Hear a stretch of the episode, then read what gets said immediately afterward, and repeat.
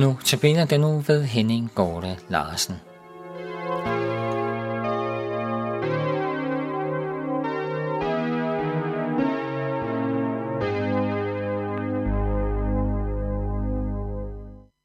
Som jeg nævnte ved præsentationen, så denne uges andagt og udgangspunkt i andagsbogen Anno Domini, skrevet af tidligere generalsekretær i KFS, Robert Blatt.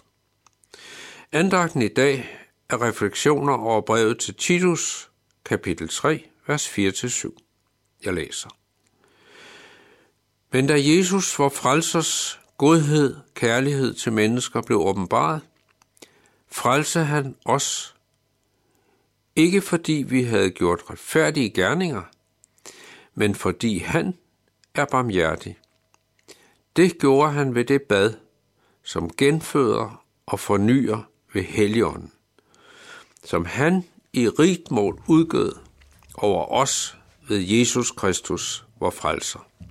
For at vi, gjort retfærdige ved hans nåde, i håbet skulle blive arvinger til evigt liv. Amen. Andagten i dag har overskriften Overøst med gaver, og jeg vil læse nu.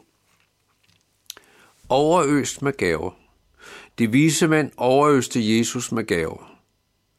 Havde de overragt deres gaver til en af kong Herodes' sønner, havde de blot været et symbolsk udtryk for deres lykønsning.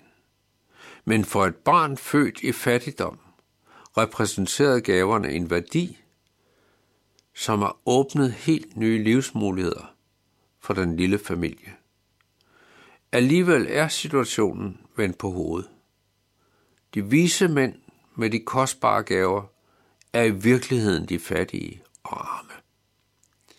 De repræsenterer en menneskehed i en verden, hvor manglen på godhed, kærlighed og retfærdighed er skrigende.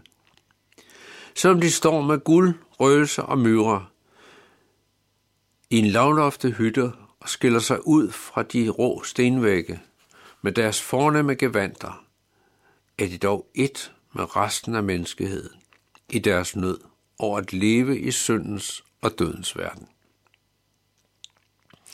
Men de er kommet til det barn, som er selve inkarnationen af Guds overvældende herlighed. De er netop kommet til ham, som kan give dem del i Guds overvældende rigdom. Måske aner de noget af dette. I hvert fald falder de på knæ i tilbedelse af barnet og overøser det med gaver. Hele situationen vendes siden om og får en ny og dybere mening, nemlig i dåb. Her er det ikke Jesus, men mig, der er barnet. Uanset hvor gammel jeg er. Dåbsbarnets fattigdom er en åndelig fattigdom. Skilt fra Gud og uden håb i verden. Men så kommer Jesus til dåbsbarnet for at overøste med Guds barmhjertighedsgaver. I Guds rige fylder Guds herlighed alt. Der er kærligheden, skønheden og retfærdigheden fortættet til stede. I dåben rykker Guds herlighed ind i vores verden. Her repræsenterer den en værdi, som åbner helt nye livsmuligheder for os. Den åbner det evige liv. Citat slut. Vi har jo for kort tid siden haft det med julegaver inde på livet. På en gang er det spændende at tænke på, hvad vil glæde modtageren, og hvad vil jeg gerne købe for at kunne opfylde dette ønske om glæde. Det er dejligt at være giveren, som glæder. Samtidig kender vi også smerten, når der ikke var nogen gave til mig. Måske ikke lige den fysiske gave, men snarere den manglende tanke, der var ingen til at give.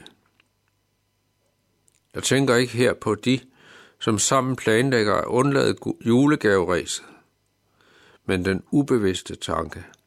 Mig var der ikke tænkt på. Her er så nogle vise mænd, som gerne ville glæde modtageren. De forventede at skulle give en kongesøn gaver, og derfor taget kongegaver med. Og var de kommet til Rodes og givet gaverne til en jordisk kongesøn, var deres gaver været en form for et symbolsk udtryk. Ikke gaver, som virkelig flyttede noget hos modtageren. Nu kommer det til den fattige, og gavens værdi repræsenterer helt nye livsmuligheder for den lille familie i Bethlehem.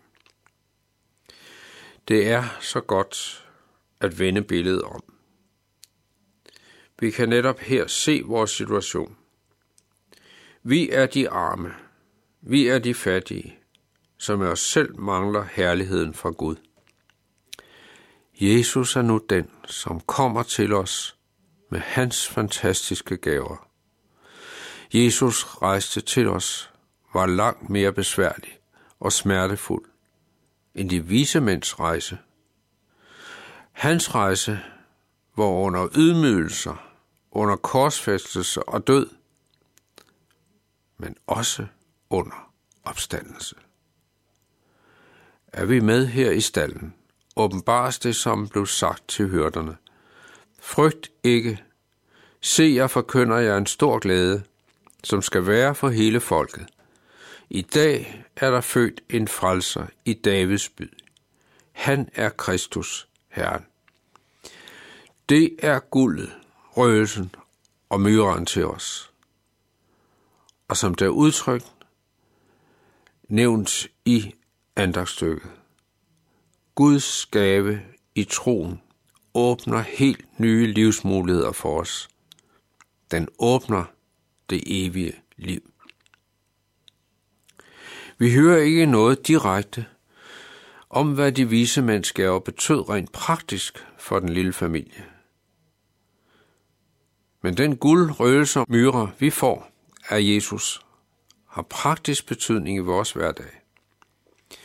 De vise mænd bøjede deres knæ ved Jesus. Tænk, at vi hver dag har lov til at bede om alt det, der ligger os på sinde. Både de glade tanker og begivenheder, men også de ting, som smerter os i livet. Det gælder både det, som vi udsætter andre for, og det, som andre udsætter os for. Ja, det gælder også de ting, som kun kommer i vores tanker. Vi skal nu bede sammen. Herre Jesus, tak for de gaver, du gav os. Det evige liv. Tak, at vi må vandre med dig hver eneste dag. I forventning, i glæde og taknemmelighed over alt det, du giver os. Amen.